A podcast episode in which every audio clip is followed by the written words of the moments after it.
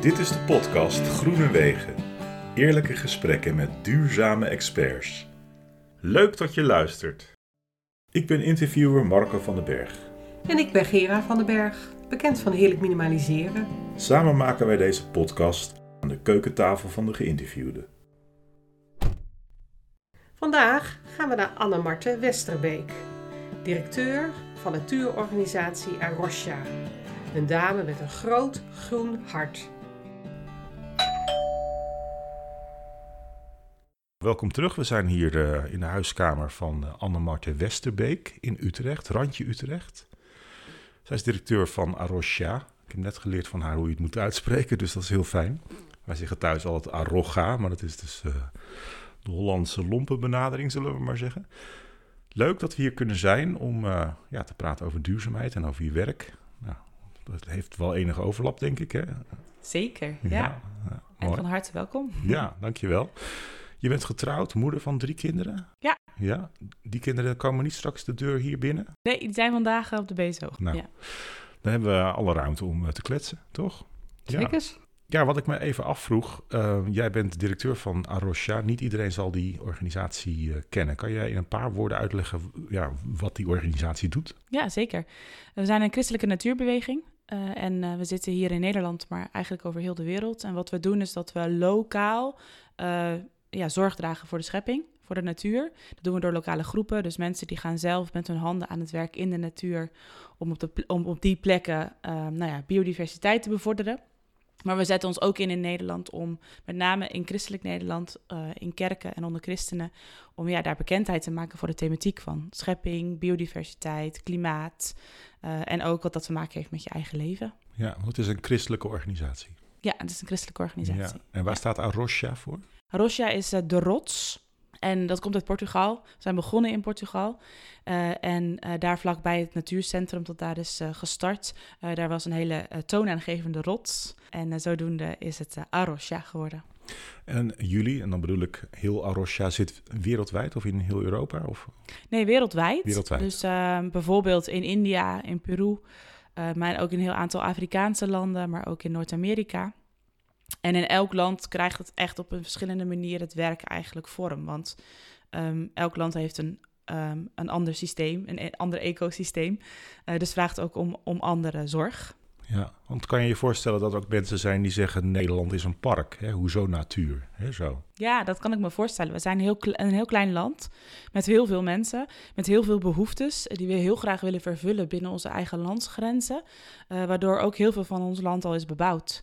Waardoor de verhouding tussen natuur en gebouwde omgeving... nou ja, best wel op scherp staat. En daar kan jullie organisatie juist iets in betekenen, omdat je laat zien hoe mooi natuur is daartussen of daarbinnen. Ja, ja. en ook wel dat natuur dus niet alleen maar daar is waar je naartoe moet gaan, maar dat natuur ook om je heen is. Dus ook al woon je in een stad, en welke plek je eigenlijk ook woont, je hoeft maar naar buiten te gaan. En als je weet dat het er is, dan kan je de natuur denk ik zien en ook ervaren. We zijn denk ik best wel kwijtgeraakt om goed te kijken. Dus uh, ja, we moeten wel weer opnieuw leren kijken en verwonderen. Ik vind het wel mooi gegeven dat het, uh, wat je noemde net ook het woord schepping, dat is ook zo, zoiets, ja, voor mensen die christelijk zijn, is dat een gesneden koek. Ja. Anderen zullen denken van, uh, hoezo schepping? Hè? En hoe ja. dan? Misschien straks even over verder praten, ook over hoe identiteit daarin een rol speelt. Hiervoor was jij um, betrokken bij MIGA hè, in Nederland, ook een christelijke organisatie. Daar zullen mensen je misschien ook nog van kunnen kennen. Ja. Kan je daar ook iets over vertellen? Ja, ja MIGA Nederland is, een, uh, is, een, is ook eigenlijk een beweging, een organisatie die zich inzet rondom gerechtigheid. En daarmee ook onder christenen ja, hun probeert aan te sporen om goed te doen en recht te doen. En dus om te kijken naar je naaste en om te kijken ook naar de schepping, naar je natuurlijke omgeving. En daar ook heel praktisch handen en voeten aan te geven. Wat geef je goede, mooie, korte antwoorden, zeg. Uh, het is echt fantastisch. Gera, jij hebt haar uh, uitgenodigd, of tenminste, je hebt haar gevraagd voor deze podcast. Wat was jouw idee daarbij? Kun je dat uh, uitleggen? Nou, mijn idee was vooral dat ik wilde weten natuurlijk van jou. Uh, ik ken jou dan van Arosha en eerder van Miga. Hoe je dat dan ook in je persoonlijke leven doet. Um, ook als moeder van je gezin. Welke strubbels kom je tegen? Uh, hoe geef jij daar zelf handen en voeten aan? Dat is eigenlijk het idee waarom ik dacht, oh, ik wil jou ook echt in die reeks hebben. Leuk. Nou, daar kunnen we straks uitgebreid over hebben. Misschien toch handig om te beginnen eh, ja, wie Anne Marten was als klein meisje. Hè? Want Ah. daar, begint het, eh, daar begint het verhaal toch vaak. Hè? Zo, Ja. eh, daar ontwikkelt zich een persoonlijkheid. Mhm. En jij laat al vallen, hè? je hebt iets met natuur en met milieuduurzaamheid, maar ook met gerechtigheid. Nou, dat hebben we ook al online gelezen op verschillende plekken, dat je ook wel op die manier getypeerd wordt. Kan je ons meenemen naar jouw jeugd en naar een herinnering die daar iets mee te maken heeft, met die gerechtigheid? En, Ja, ik denk ehm, van jongs af aan al, vanaf op de basisschool, zeg maar, de herinneringen die ik heb, kan ik me wel heel erg herinneren dat ik het eh, heel snel dingen niet eerlijk vond. Ehm, dus of als het bij zelf werd aangedaan, dat ik vond dat ik bijvoorbeeld een straf kreeg of iets dergelijks, van ik dacht, ja, maar dat is helemaal niet terecht, dat heb ik helemaal niet gedaan. Ehm, dat ik daar dan ook iets van zei, dat ik daarvoor opkwam en dan het gesprek wilde aangaan met mijn, met mijn leraar, al op de basisschool. ja?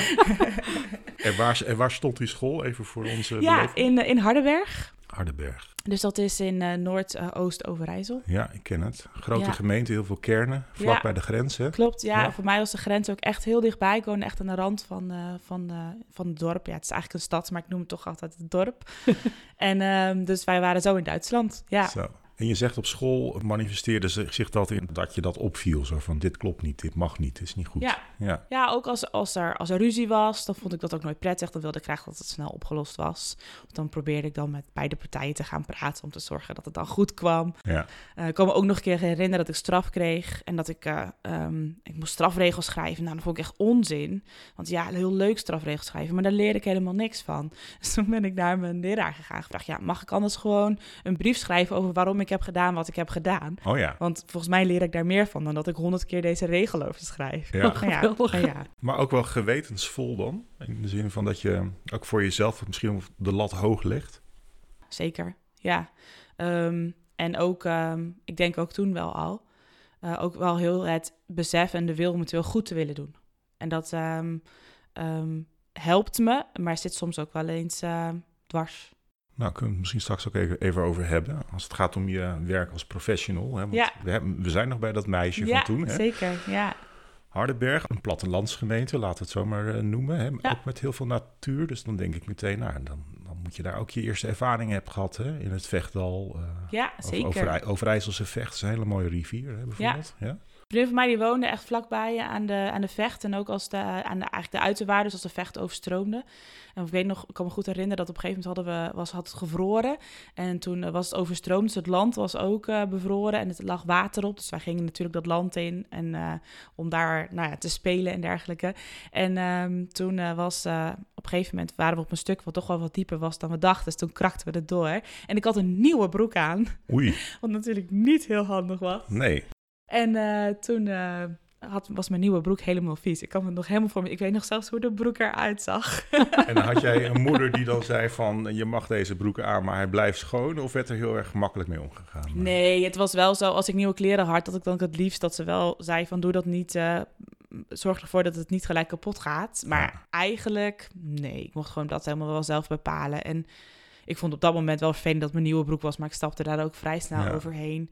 En ehm, mijn vader ging veel wandelen. We hebben heel veel gewandeld daar in waar we wonen. We liepen natuurlijk ook zo de straat uit. En dan liep je eigenlijk in ieder geval in de, in de weilanden. Ja. En bij de vecht en bij de beek bij ons achter. We hadden de beek achter. Nou, daar speelden we veel. Daar deden we van alles. Daar zwommen we en daar schaatsten we. Ehm, ja, dus ik heb veel buiten gespeeld. Ja. ja. Heb je het idee dat het nog steeds kan en dat dat nog steeds bestaat? Of zijn we ook weer heel erg opgeschoven in natuurbeleving, in, eh, in wat er kan en wat er allemaal mag? Ik denk dat er wel een verschil zit in natuurbeleving als je kind bent en als je volwassen bent. Als ik naar mijn eigen kinderen kijk, dan maakt het voor hun niet zo heel veel uit waar ze zijn. Maar als het buiten is en eh, er is een veldje om te voetballen of een bosje om te ontdekken, dan zijn ze eigenlijk al heel snel heel erg blij. Ik heb soms wel het gevoel, helemaal ook hier in de stad, want ik woon natuurlijk in de stad, dat we heel erg het idee hebben dat we ergens naartoe moeten gaan om, om de natuur te kunnen beleven.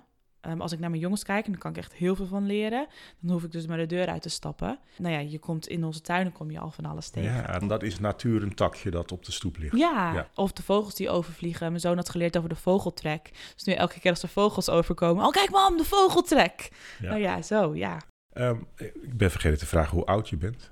Ik ben 34. 34, oké. dus dan was je in de jaren 90 kind Ja, daar. Werd er toen al over milieu en duurzaamheid gesproken op school? nee, op school niet.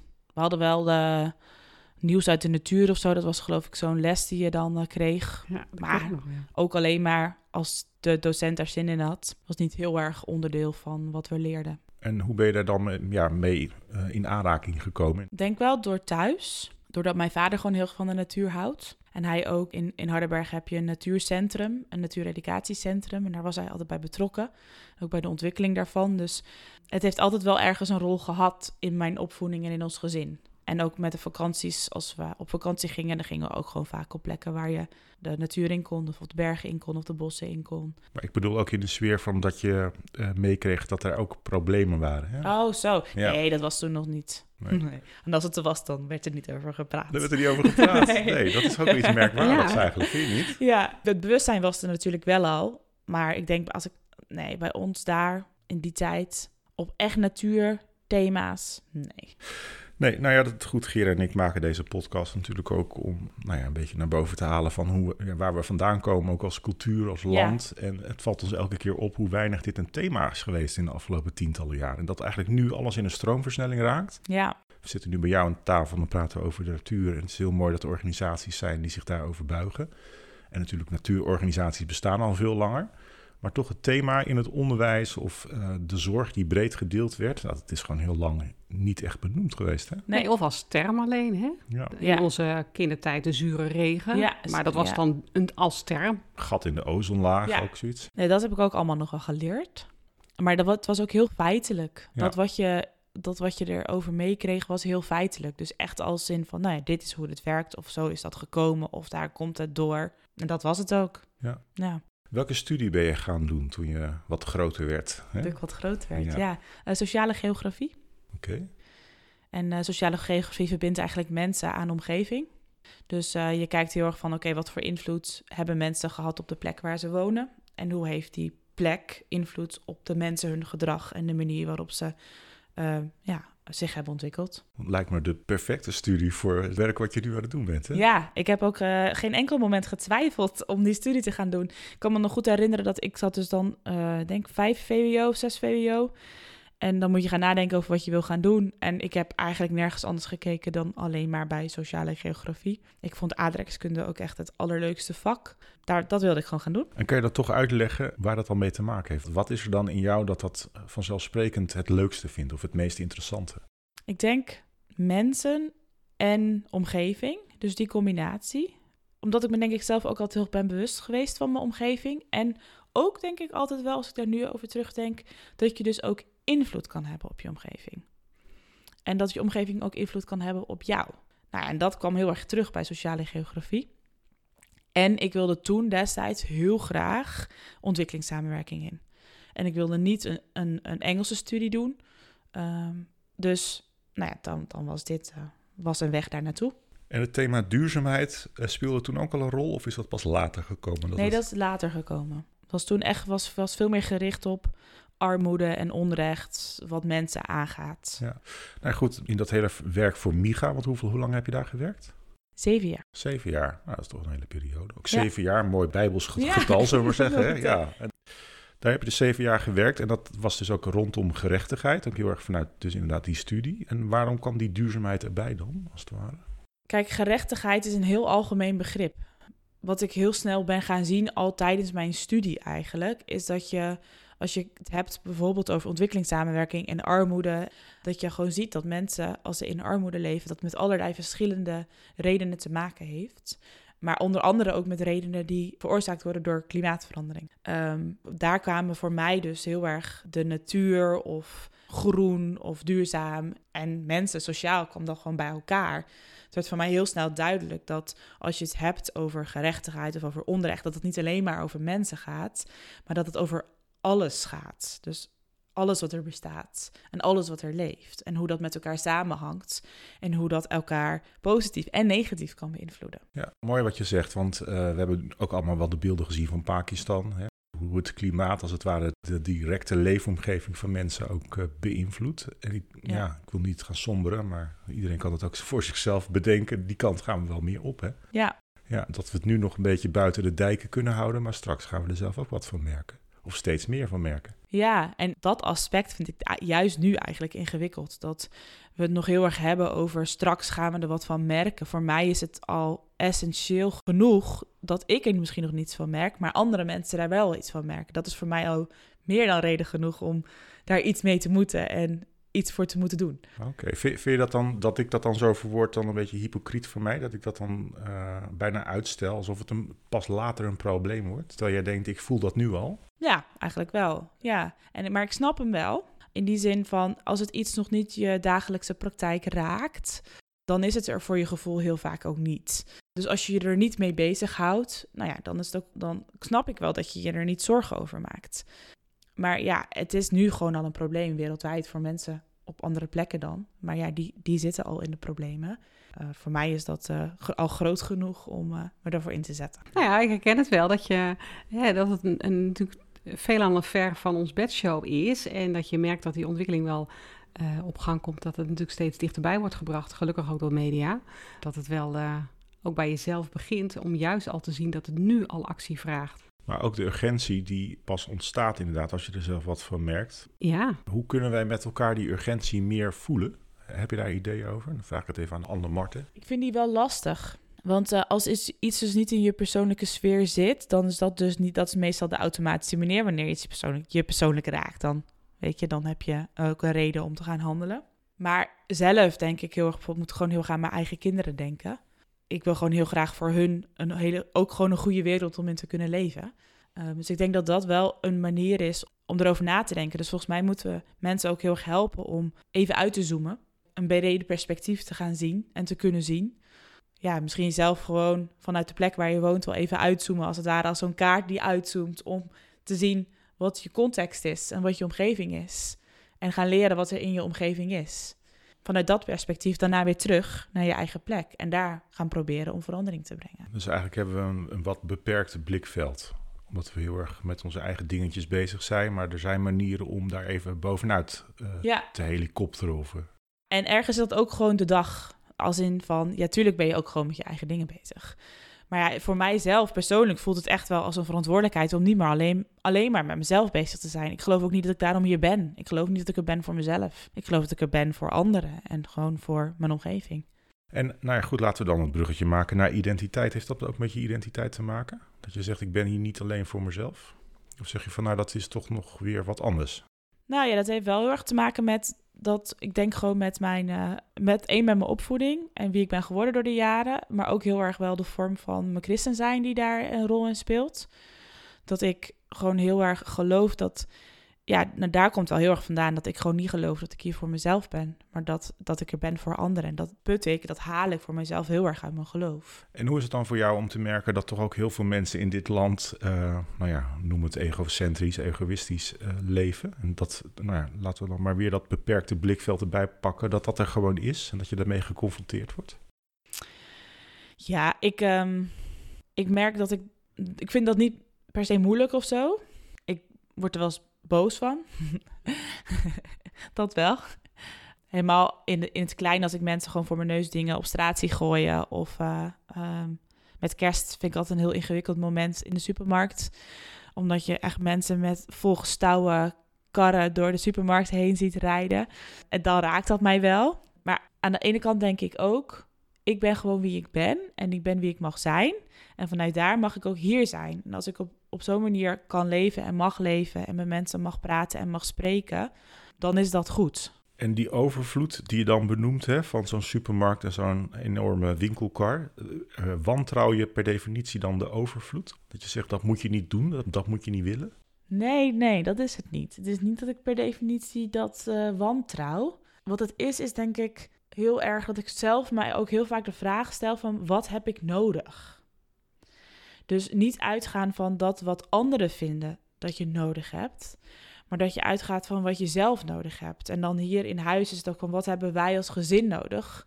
Meestal is dat helemaal niet heel veel spullen of heel veel eten. Of, uh, maar is dat met name vaak gezelligheid en elkaars liefde. Uh, en door mijzelf altijd die vraag te stellen van wat heb ik nodig, helpt mij heel erg om niet mee te gaan in die overvloed. En die overvloed, hoe komt die tot je? Want ik bedoel, ik heb daar wel een beeld bij. En we zijn natuurlijk zelf ook met het minimaliseren daar heel vaak mee bezig. Maar jij, Ja. jij woont in Utrecht, wij wonen op de Veluwe. Hè? Ja. Dus wij komen van platteland, zeg maar. Jij zit midden in de stad hier. Ja, Het is toch anders, lijkt me. Hier heb je meer winkels, meer verleiding. ja. ja, ik kom niet zoveel in de binnenstad. Eigenlijk bijna nooit. Alleen als ik echt iets heel specifieks moet hebben. Eh, en als ik er wel kom, dan kom ik er vraag 's ochtends vroeg of 's avonds laat. En dat is heerlijk, want dan is het rustig. En dan kan ik gewoon genieten van de binnenstad als mooi oud centrum. En ik heb sowieso geen, eh, we krijgen geen reclamefolders. Ehm, dat heb ik wel heel bewust daarom weggedaan. Waar ik zelf ook mee ben gestopt is bijvoorbeeld Pinterest.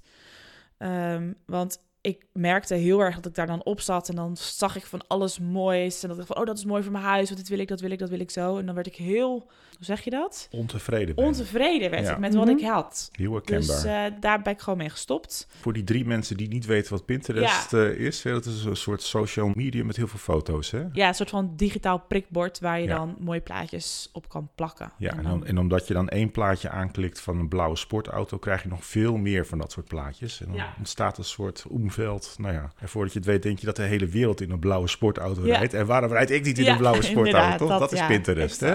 ja. Ja, En ik merk dat Instagram dat bijvoorbeeld ook doet. Dus eh, als ik dan even gewoon daar niet op hoef, of als ik even vakantie heb, dan vind ik het ook heerlijk om daar gewoon veel minder op te zijn. Dan gooi ik ook alles van mijn telefoon. Ik gooi het er niet af, maar ik gooi het wel uit het zicht. Zeg maar dat wanneer je je telefoon ontgrendelt, dat je het niet gelijk ziet. Dat werkt al heel goed.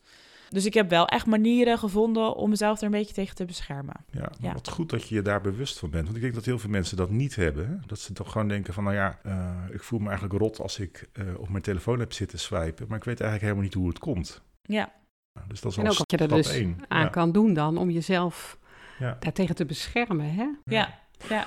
Je bent ook moeder van drie kinderen, nou, dat hebben we al benoemd. Maar hoe, hoe ga je daarmee om in de opvoeding? Want je komt ook wel eens in de buurt van een speelgoedwinkel, toch? Of, eh, nou goed, er Ja, komen geen speelgoedfolders dan binnen, maar... maandag, eh, maandag, nee, dinsdag nog. Toen ging ik naar de boekhandel met mijn oudste. En eh, ik was wat aan het uitzoeken en ik kocht wat. En hij zei, maar mama, als jij wat koopt, dan mag ik ook wat. Want hij was echt al tien keer bij mij gekomen met iets. Mama, mag ik dit? Mama, mag ik dat? Mama, mag ik dit? En ik elke keer, nee, nee, Ja, nee. ja, maar ik ben toch... Ja, een kind, hè, zeggen we dan. Ah ja, een kind. ja, het hè? is Ja, vakantie. het is Ja, kind. eh, Ja. doe maar. Dus hij heeft het alsnog gekregen. Oh joh.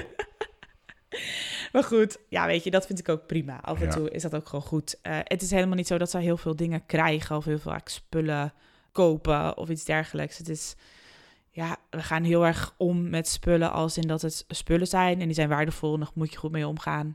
En ook niet zo vanzelfsprekend dat wanneer je iets ziet wat je leuk vindt, dat je dat dan ook gelijk krijgt. Snap ik. En maar krijgen ze dan wel een soort preek van een week erbij? Ben je heel moralistisch? Ik ben wel moralistisch, denk Ja? ik. Ja, ja lijkt het wel, ja. Als ik ze zelf soms ook hoor praten, en dan vooral de oudste twee, want die kunnen praten, dan hoor ik ze tegen een ander of tegen elkaar of zo, en dan hoor ik ze iets zeggen, dan denk ik, oh, dat ben ik. Ja. Want ja, je ziet het natuurlijk terug. ja. En Het ik is- denk wel dat ik moralistisch ben. Ik, ik denk zelf, misschien moeten we maar weer wat moralistischer worden, toch? Ja, ik vind het helemaal niet erg om moralistisch te zijn. Nee, ik denk ook, eh, ik zie ook dat ze er heel veel aan hebben. En dat het ze ook eh, heel veel geeft. En eh, soms denk ik bij mezelf wel, oké, nu moet je gewoon je mond houden. Laat ze gewoon lekker spelen. Laat ze gewoon lekker doen wat ze doen zijn. Dus hoeven niet per se er ook iets over te leren. Maar ik herken dat wel. En ook de bevraging bij jezelf of je niet te moralistisch bent of wanneer je mond wel houdt of niet houdt. Maar ik denk ook wel vaak, het geeft ook wel richting aan wat je ze mee wil geven. En ook wel weer heel onnuchterend vind ik altijd. Ja, vanuit iedere opvoeding gebeurt dat zo. Maar het is ook iets waar we vanuit jezelf zo achter staat en in gelooft dat het ook niet anders kan dan dat je dat op die manier meegeeft. Maar wel in de relativering. Ik moet even denken aan de conjunctuurbeweging, want ook, ook rondom opvoeding zie je dat elke keer weer, hè, met pieken en dalen. Ik heb laatst een boek gelezen over de jaren zeventig, waarin natuurlijk qua opvoeding opeens alles kon en mocht, zeg maar. Je Ja. moest het vooral loslaten en aan het eind kreeg je, hè, eind van de jaren zeventig werd er een boek uitgebracht, gewoon, zullen we weer opvoeden, was geloof ik de titel, of iets Mhm. dergelijks. Dus ja, de wal keert het schip alweer, toch? Het is wel balans zoeken naar wanneer hou je inderdaad je mond en wanneer niet. Ik probeer altijd maar gewoon nog bij mezelf te blijven. En als ik merk dat ik iets belangrijk vind of ergens door ben geraakt, dan vind ik het ook gewoon belangrijk dat mijn kinderen dat weten en dat ze dat zien. Ik ben ook eh, gewoon heel voorstander van gewoon huilen als, bij mijn kinderen. Dat ze ook gewoon zien dat ik ook wel eens, ook eens tranen heb en ook wel eens verdrietig ben. Ik denk dat het goed is dat ze dan wel ook horen en leren waarom. Ja, Nou ja, het is misschien wel een mooi thema ook om even te benoemen. Dat er natuurlijk veel mensen zijn die klimaatzorgen hebben. En die bezorgdheid kan zo hoog oplopen dat ze er bijna niet van kunnen slapen. Ja, En als je dan ook nog kinderen hebt die je aan het opvoeden bent, is dat best een dingetje, lijkt me. Hè? Ja. Dat je die eh, onrust en die angst ook meegeeft. En dan is wel de vraag van, ja, hoe ver ga je daarin? En als ik jou zo beluister, denk ik, ja, eh, je hoeft ze ook niet helemaal overal van te onthouden. Je mag het ook wel ergens laten voelen. Ja. En zij, maar ik merk dus nu dat zij er ook wel ook al dingen over oppakken die niet van mij komen. Dus op school leren ze er volgens mij ook wel echt al over. Dus er komen soms ook zelf wel met dingen terug. Dat ik denk van, oh hé, hey, dit heb je niet van mij gehoord, eh, maar dit heb je van een ander. En ik merk ook wel bij mijn kinderen dat als zij bijvoorbeeld, en vooral bij mijn middelste, die is vier, als die iets ziet gebeuren voor hem, ehm, bijvoorbeeld inderdaad dat er plastic op de grond ligt, dan krijg ik ook gelijk, mam, dat is niet goed hè, dat er plastic op de grond ligt. Dat is niet goed voor de wereld of niet goed voor de aarde. En tuurlijk, wij, wij prikken af en toe plastic, dus daar heeft hij het natuurlijk van. Maar op dat moment stimuleer ik hem op geen enkele manier om dat te zeggen. Dus dan komt het wel al bij hem vandaan. En hij is ook wel degene die dan daar ook echt, nou, zeg maar, woorden aan geeft van wat hij daarbij voelt. Nou, dat is prima ook, dat mag ook gewoon. En soms wordt hij er boos van. Nou, dat is ook goed, mag ook. Eh, ervaar je ook wel eens dat je als moeder een spelbreker bent? Omdat je bepaalde dingen dus niet doet? Ook omdat je ze juist die duurzame opvoeding wil geven. Dat is toch ja, soms ook een beetje vanuit de we doen het niet kant in plaats van we doen het wel kant. Ja, die momenten komen denk ik nu steeds meer, omdat ze wat ouder worden. Maar ik ervaar het nog niet echt als spelbreker. Mijn oudste die zei eh, vlak voor de vakantie van... Mam, waarom gaan wij niet op vakantie? Nou ja, gewoon omdat we thuis ook leuke dingen kunnen doen. Ja, en toen, dat was wel de eerste keer dat ik even dacht van... Oh ja, want hij gaat nu zien dat het bij anderen natuurlijk anders gaat. En dat andere gezinnen andere gewoontes hebben. Dus ik kan me zo voorstellen dat ik me in de toekomst wat meer een spelbreker ga voelen. Ja, ja, als ze heel klein zijn, hè, want ze zijn ook nog jong hè, naar verhouding, dan ben jij ook nog meer de norm als het ware. En dan Ja. accepteren ze dat makkelijker. Ja. Oké, zullen we de opvoeding eventjes laten Ja. rusten en even doorstomen naar Arosha? Want wat doet de directeur eh, van Arosha? Behalve sigaren roken en in een hele dikke stoel zitten. Nou, dat doe ik dus niet. Oh, oh, dat Nee. had ik echt gedacht. Nou ja, we zijn een, een, een, eh, een organisatie of eigenlijk beweging die zich heel erg lokaal eh, beweegt. Dus ik ben veel gewoon ook in gesprek en meedenken met onze lokale groepen. Zij hebben bijna allemaal een eigen stuk natuur waar zij zorg voor dragen. En daarin proberen zij samen met anderen ook, eh, nou ja, ook eh, nou ja, dus praktisch te zorgen, maar ook het verhaal van de Rocha te vertellen. En het verhaal van waarom het belangrijk is om, om voor de natuur te zorgen. Dus dat is eigenlijk het verhaal van biodiversiteit, wat dat is en wat dat doet en waarom dat belangrijk is. En nou ja, daar ondersteun ik bij en daar help ik bij. En eh, dat is heel leuk. Ja. ja. En je zegt eh, verschillende natuurgebieden. In de zin ook van de, het ene met water, de andere helemaal geen water, maar veel bomen bijvoorbeeld. Ja. Of heel veel heide. Of, eh, Het is heel verschillend. Dus ehm, we zitten ook op allerlei verschillende plekken in het land. Dus eh, we hebben een paar groepen die zitten op de hei. En daar is het heel ander werk dan eh, bijvoorbeeld in de Uiterwaarden aan de IJssel in Zwolle. En we hebben ook een gebied dat heeft zowel hei als bos. Dus het is heel verschillend. En sommige gebieden zijn echt maar heel klein, zeg maar een postzegeltje. Eh, en de andere gebieden zijn weer wat groter. Dus het is ook vaak niet ons eigen bezit, dus niet ons eigen gebied, zeg nee, maar. dat wou ik net even Ja. vragen. Wat is natuurlijk wel een verschil? Je hebt ook vrijwilligers die bijvoorbeeld meehelpen met staatsbosbeheer of natuurmonumenten. Dan ken ik toevallig het voorbeeld van Zwolle, dat daar Ja. ook een paar- een paar mensen actief zijn die ook echt als een soort luis in de pels eh, de misstanden aan de kaak stellen. Ja. Hoe wordt er naar jullie gekeken? Of tenminste naar die lokale groepen? Naar mijn idee wel goed. Eh, wat wij heel stimuleren is dus ook om juist wel heel erg samen te werken met alle andere lokale partijen. Dat werkt tot nu toe heel goed. Rondom van die gebieden gebeurt natuurlijk een heleboel. Als je dus heel vaak in de natuur bent en heel vaak in zo'n gebied bent en het gebied voelt als van jou, dan geeft het voor je gevoel ook verantwoordelijkheid. En dan wil je daar ook graag dat het goed gaat daar en dat alles wat daar leeft, dat het daar ook goed mee gaat. Ook wel grappig dat je dus eigenlijk als een soort superburger in je eigen woonomgeving bezig bent. Hè? Ja, superburger, mooi. Superburger, ja. Ja, je kan iedereen een superburger zijn, zeg maar. Ja. Je kan je gewoon allemaal aansluiten. Ja, we hebben natuurlijk niet overal lokale groepen. Eh, maar daar waar ze zijn, kan je gewoon aansluiten. Je kan gewoon altijd meewerken als je wil. Nou, we proberen juist ook wel dat een beetje te verbreden. Dus dat je niet meer alleen een groep kan zijn als je een natuurgebied hebt. Maar zoals hier in Utrecht zijn we ook begonnen met een gewoon een groep mensen die heel graag iets met deze thema wil. En we vinden het allemaal belangrijk. En allemaal ook wel weer een beetje op onze eigen manier. De ene is echt veel van de vogels, en de andere is van heel duurzaam leven, de andere is veel meer van eh, wandelen.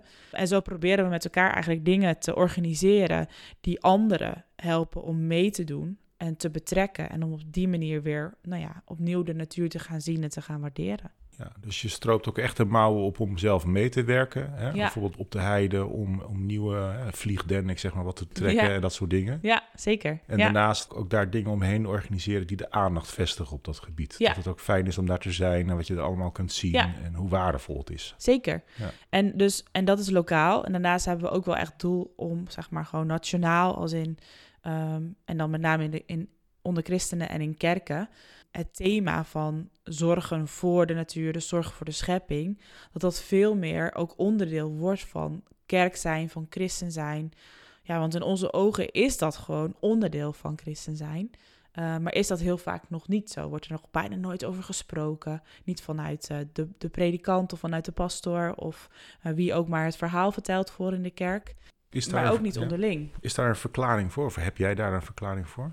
Waarom dat nog weinig gebeurt? Heel veel van de problematiek wordt nu natuurlijk zichtbaar. Ook doordat we gewoon veel meer zichtbaar kunnen maken door, voor, door video en dergelijke. Maar ook wel als je kijkt naar de bewegingen die er zijn geweest in Nederland, werden de bewegingen van groen en van duurzaamheid heel erg weggezet als iets links. En in de Nederlandse kerken was dat niet eh, de bedoeling. Te activistisch. Te activistisch, Hm. te links. eh, dat is niet iets wat in de kerk hoort. Ehm, en daardoor kreeg het gewoon geen ruimte. De mensen waren er wel al die het belangrijk vonden. En er werd op internationaal vlak werd er ook wel aandacht voor gevraagd. De eerste verdragen, die stammen geloof ik ook uit de jaren zeventig als het over deze thema's gaan. Maar de thematiek kwam gewoon niet in de kerk, omdat het gewoon werd weggezet als iets. Dit hoort niet. Dit hoort niet bij de kerk, dit is te links, dit is politiek, dit moet niet. Die stromingen zijn er wel geweest. Het IKV met uh, Mientjan Faber bijvoorbeeld, hè, rondom uh, de Ja. atoombewapening. en maar rondom dit onderwerp niet, lijkt het wel. En zou het ook met de boeren te maken kunnen hebben, denk ik? We komen natuurlijk uit een land, of we wonen in een land waar het CDA heel lang uh, in de regering zat, ook christenen. Dat dat misschien van invloed is geweest? Ik weet, dat weet ik niet zo goed. Ik weet niet of het met de boeren, of je dat bij hun zou kunnen neerleggen. Ik denk dat het meer heel erg te maken heeft met wat voor land we zijn. En ook wel met dat we het gevoel van afhankelijkheid zijn kwijtgeraakt. We zijn gewend geraakt aan dat we overal alles maar vandaan kunnen kopen en kunnen halen en kunnen eten. En zijn het besef van dat het ergens vandaan komt, dat het ergens groeit, dat daar mensen aan werken, dat zijn we eigenlijk een beetje kwijtgeraakt. Ik denk dat die maakbaarheid heel erg heersend is geweest. En het feit dat je soms dingen moet opgeven en comfort moet opgeven, is denk ik ook wel een van de redenen geweest waarom we daar niet aan wilden. Helemaal als je gewoon kijkt naar de beweging vanuit na de oorlog, moest er vooral zoveel mogelijk gebouwd, gemaakt, gedaan worden en geleefd worden. -hmm. Um, en vanuit, om daar vanuit terug te komen is hartstikke moeilijk. Ja. Want het is een totaal andere manier van kijken en een totaal andere manier van invulling geven aan, Ja. aan je leven, aan je gedrag. En de groei en, en dat het ja, tegen de plinten opklotste, zeg maar, was eigenlijk alleen maar heel goed, want we gingen hè, de goede tijd tegemoet. Ja, Ja. En, maar goed, het punt was, waarom is het binnen de kerk Ja. niet een thema? maar dan, Ja. ik, ik denk die thema's spelen wel ook. Ik, heb wel, ik bedoel, al die mensen die in de kerk zitten, die wonen ook gewoon in een, in een huis, in een wijk, in een, in een Mhm. stad in Nederland. Dus je bent wel onderdeel van die samenleving. Ik denk echt dat het komt doordat het thema groen zo politiek links is weggezet in Nederland. En als christen was je niet politiek links. Ook zij rechts net volgens mij, maar ik bedoel politiek links. Ja. ik denk wel dat dat een van de redenen is waarom het gewoon geen, eh, geen plek heeft gekregen. En kan het ook nog iets te maken hebben met de Bijbelse opvatting van, vanuit het scheppingsverhaal? Dat we hè, geïnterpreteerd hebben als christenen dat we boven de natuur zijn Ja. gesteld om het te regeren, de dieren een naam te geven, hè, dat soort... eh, ja, daar is het zeker ook mee te maken. Ehm, doordat er nog op die manier bepaalde bijbelteksten nog niet zo nog werden gelezen en werden uitgelegd en werden uitgeleefd. En daar is natuurlijk in de afgelopen jaren heel veel opnieuw naar gekeken en opnieuw van geleerd. Waardoor daar wel meer ruimte komt. mhm. Ja. En wat doen jullie concreet als Arosha om dat thema binnen de kerken meer eh, op de agenda te krijgen? We hebben jarenlang, dat doen we nu niet meer, maar ook echt wel themapakketten ontwikkeld. Die echt heel specifiek over natuur en schepping gingen. Dus die je als voorganger in de gemeente kan gebruiken om over te spreken. We spreken ook gewoon heel veel in kerken, worden veel uitgenodigd om gewoon het verhaal te komen vertellen en met elkaar in gesprek te gaan. En wij zoeken gewoon eigenlijk altijd naar manieren om de christen te betrekken bij de thematiek. Dus dat kan zijn door middel van een boek wat erover gaat, of door mee te werken aan een symposium dat erover gaat. We zijn bijvoorbeeld nu ook bezig met een weer nieuw symposium te organiseren voor voorgangers in kerken. Want dat zijn toch best nog wel best wel key persons in een kerk, zeg maar, waar veel mensen naar luisteren. Dus je wil ook gewoon graag dat het bij die mensen gaat landen uh, en dat ze erover gaan spreken. En is die interesse er? Dat je merkt dat juist ook de predikanten die stap gaan zetten van dat behoort tot mijn verantwoordelijkheid als pastoor om dat mee te nemen in het verhaal? Ja, dat merk je wel heel erg. Uh, maar je merkt ook dat ze er nog een beetje bij onthand zijn. Dus dat ze niet altijd weten hoe en op welke manier, omdat ze niet moralistisch willen zijn. En het politieke eraan, dat ze dat misschien ook ingewikkeld vinden? Ja, ik heb wel het idee dat daar steeds meer ruimte voor komt en dat dat steeds meer wordt losgelaten. Volgens mij zijn we ook, ik denk dat het niet voor alle kerkelijke stromingen geldt, maar wel iets minder bang geworden voor politiek. Maar je merkt dat uh, de samenleving vraagt erom. En um, onze jongeren vragen erom. Je ziet de problematiek, dus het kan nu niet meer buiten de kerk gelaten worden. Helemaal niet als je gelooft dat je als kerk in de wereld wil staan. Ja, dan moet je, ook, dan moet je hier ook iets mee. Ook weer even voor de mensen die daar niet mee uh, bekend zijn van hoe dat dan werkt. Maar vanuit de kerk word je ook gevoed in hoe zou je kunnen leven, als het ware. Of wat hoort bij je taakopvatting als christen. Hè? En hoe ja. woord en daad, er wordt dan altijd gezegd. Dus nou ja, hoe, hoe, voeg je de daad bij het woord? En daar hoort dit eigenlijk ook bij. Dat je Ja. ook heel concreet maakt van wat kan jij nou doen om daar navolging aan te geven. Ja, en ik denk dat we als kerk heel goed zijn geweest in de afgelopen honderd jaar om heel goed voor onze naasten te zorgen, dus voor je medemens. Uh, maar dat we dus iets minder goed, of eigenlijk gewoon niet goed zijn geweest in het zorgdragen voor het geheel van die schepping, met onze medemens erin. Maar ook alle andere schepselen, alle andere dieren, organismen, bomen, planten, alles wat er is. Terwijl je zou verwachten dat juist een kerk vanuit die identiteit daarin voorop zou lopen, toch? Ja, dat zou je zeker verwachten. Maar dat is helaas niet gebeurd. Nee. De kerk wordt kleiner, dus de, de, invloed wordt kleiner, laat ik het zo zeggen. Zijn jullie er ook mee bezig dat je zegt van, nou ja, dat is voor ons ook wel een thema, van steeds minder mensen uh, behoren bij een kerk. Uh, moeten we het misschien niet meer verbreden, ook buiten de kerk gaan zoeken? Nou kijk, wij voor een groot gedeelte zijn wij eigenlijk al buiten die kerk, omdat we juist heel erg in de natuur zitten en juist mensen daar ook willen brengen. Uh, dus ik, ik zeg wel eens als grapje, maar er zit wel een kern van waarheid in. Wat je eigenlijk soms ook wel zou willen, is dat je mensen de kerk uit de natuur in krijgt. Oh ja. mm -hmm. En daar bedoel ik niet mee te zeggen dat je dus mensen niet meer naar de kerk moet laten gaan en niet meer moet stimuleren om naar de kerk te gaan. Maar wel dat als je de natuur ingaat, je daar ook een stuk geloof kan ervaren. En ook een stuk um, geloof met andere mensen kan ervaren. En nou ja, um, het denk ik ook heel verrijkend kan zijn voor wie je bent als persoon, uh, voor wat je gelooft, maar ook hoe je inderdaad uh, mag leven en vorm mag geven aan je leven. En we zitten veel te veel met elkaar in gebouwen erover te praten en erover te leren en misschien erover te zingen, maar ga het nou maar gewoon eens doen. Eva, je hebt het nu over gebouwen. Dan moet ik denken aan, uh, jullie zijn ook een organisatie. Um, hoe kan ik aan jullie organisatie zien dat jullie ook groen en duurzaam zijn?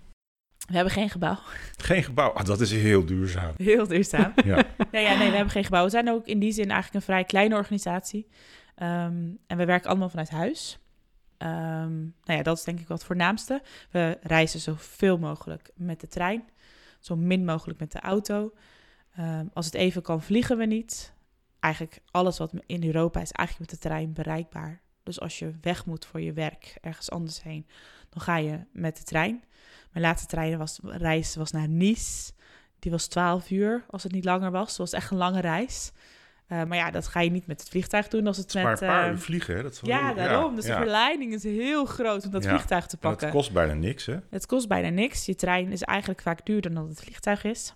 Nee, dus dat sowieso. Maar ook als we bijvoorbeeld iets organiseren, um, dan proberen we allereerst zoveel mogelijk, zo min mogelijk papierwerk te creëren. Uh, maar wat ik ook heel belangrijk vind, is dat als je uh, mensen ook uitnodigt om iets te komen eten, dat je dat dus ook op een duurzame manier doet.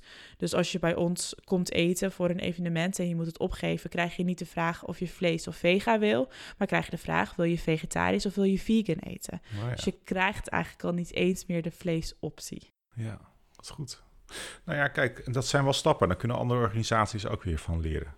En het feit dat jullie geen eigen gebouw hebben, maakt het dan al makkelijk. Want dan Ja. hoef je niet eh, te discussiëren over verwarming en welke merk koffie en is het allemaal wel fair trade. Het is niet altijd makkelijk hoor, geen eigen gebouw hebben. Want het is ook wel heel fijn om wel mensen een plek te hebben waar je mensen kan uitnodigen. Of waar je gewoon als team wel kan werken. Dus eh, aan de ene kant is het in die zin heel prettig, maar het, het is ook wel eens een gemis. Ik denk ook even aan eh, Gera. Hè. Jij eh, spreekt ook wel eens in kerken. En dan kom je thuis en dan zeg je van, nou, het was een hele mooie avond. En dan zeg je, nou, maar het valt me wel op dat heel veel bezoekers toch boven de 50 waren. dan zei ik, joh, heeft dat iets te maken met de gemiddelde leeftijd van een kerkganger? Of eh, spreekt het thema die eh, leeftijd iets meer aan? Of herken je dat, Geert? Ja, dat herken ik heel erg. Ja. En eh, hè, ook wel de bevraging hoe dat dan komt, inderdaad. Ja. Dat heeft misschien ook wel met de gezinten van de kerk te maken. Jouw lezing gaat dan over het minimaliseren, over spullen, Ja. over consuminderen. Denk je van, nou, dat is toch ook wel een boodschap aan jongeren? Of, eh, Ja, sterker nog, dat de, de meest oude mensen in de zaal dan vaak het meest duurzaam al leven. Terwijl ze het, eh, hè, het woord eh, duurzaam er helemaal niet aan hangen. Maar ze zijn dat allemaal gewoon. En dat word ik ook Zuinig. altijd. Ja, en gewoon of ze het nou vanuit geld doen, maar ook van, vanuit zorg voor. En eh, niet altijd is geld leidend daarin. Maar ik vind het zo'n mooie ontdekking dat wij ja, ervaren dat zij eh, misschien dan ook wel wat duurzame stappen moeten zetten. Maar ze doen dat al lang, maar ze hebben zelf niet door dat ze al meer duurzaam leven dan dat ze zelf in de gaten hebben. ja, dat is mooi. En daar kun je veel van leren. En als het gaat om duurzaam leven, je benoemde net al over, nou ja, eh, niet alles maar gewoon kopen wat eh, je voor handen komt. Koop je ook veel tweedehands spullen? Ja, uitgangspunt is als het kan tweedehands, dan tweedehands.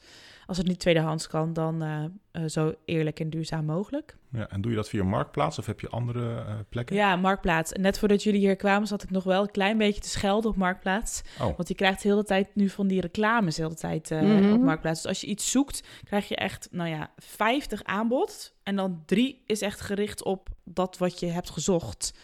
Het wordt je wel steeds moeilijker gemaakt Oh, op ik Marktplaats. ken hem zo erg.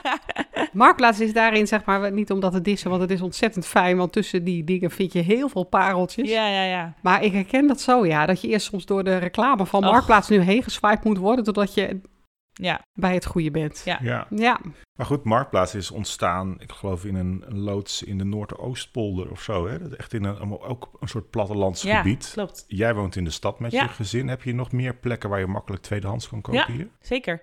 Sowieso kringlopen gewoon heel veel. Dus daar gaan we ook best wel vaak heen.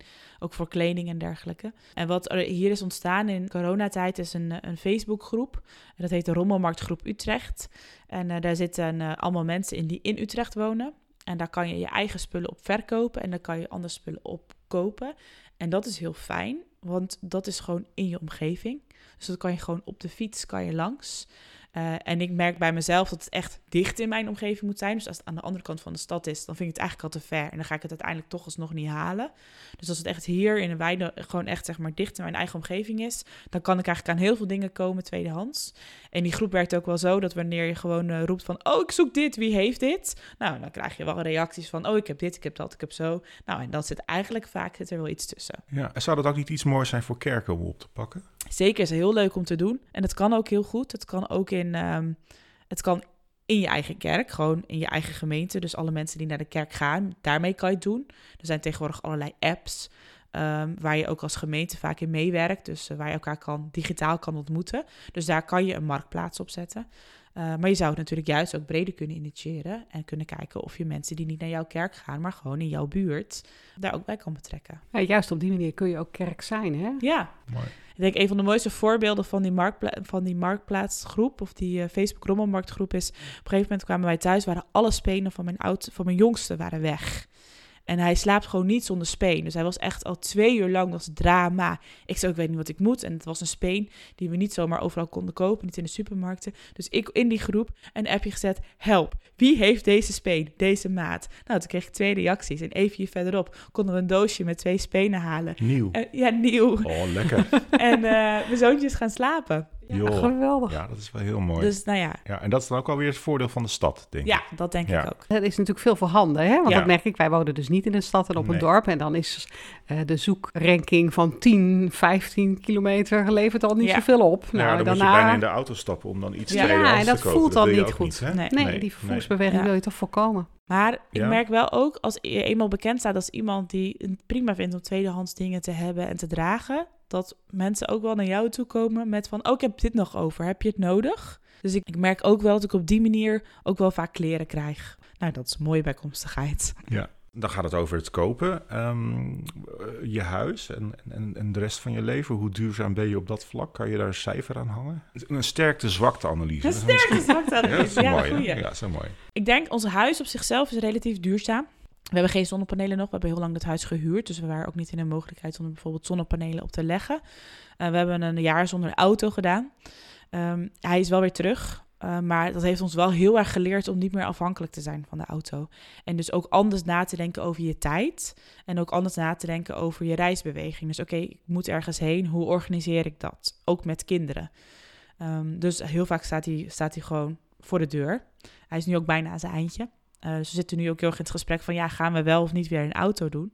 Het lijkt er nu op in ieder geval dat we weer een poosje zonder auto gaan. En dat we op zoek gaan naar of een ander gezin... of iemand anders die met ons een auto wil delen. Zodat we ook niet gewoon een auto voor de deur hebben staan... die niet wordt gebruikt, omdat dat ook een beetje zonde. Ehm, en ik denk... Ik had er even over nagedacht als ik mezelf een cijfer zou moeten geven qua duurzaamheid. Dat vind ik heel spannend en heel eng of zo, omdat ik mezelf niet heel groot wil maken op dat, op dat gebied. Maar ik merk wel heel erg dat het, het duurzame zit misschien niet altijd per se in spullen, maar wel veel meer in mijn denken en in mijn doen. Dus in mijn zijn. En ik denk dat ik op dat gebied mezelf wel echt, nou ja, een hoog cijfer zou mogen geven. Ja, mooi. Hey, en heb je ook wel zo'n eh, impactmeter ingevuld Ja. qua leven binnen de grenzen van een aarde? Ja. Ja, ik blijf aardig binnen de grenzen van de aarde. Ja. Aardig binnen de grens van de Aardig. aarde. Aardig. Jongen, die mag ook op het tegeltje, zegt. jongen, jongen. Ja. Ja. En zijn er Ja. ook dingen waarvan je echt denkt, nou, die, eh, ja, die, mm, daar baan ik nog van, of dat wil ik nog wel veranderen, of dat is echt wel zo'n guilty pleasure. Ja, ik vind frikandellen echt heel lekker. En ik eet eigenlijk geen vlees. dus als je het hebt over mijn guilty pleasure, dan is dat af en toe een frikandel speciaal. Ja, dan ga ik toch weer even de wijsneus uithangen.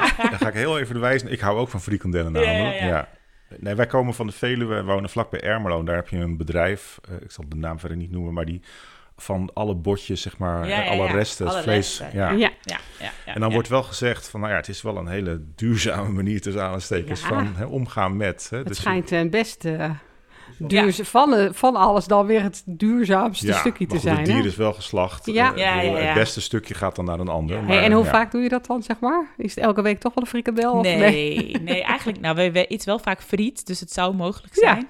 Maar nee, ik eh, kies vaak voor een eh, vega kroket. Of en je hebt tegenwoordig bij onze snackbar, als we het halen, hebben ze ook vega frikandellen.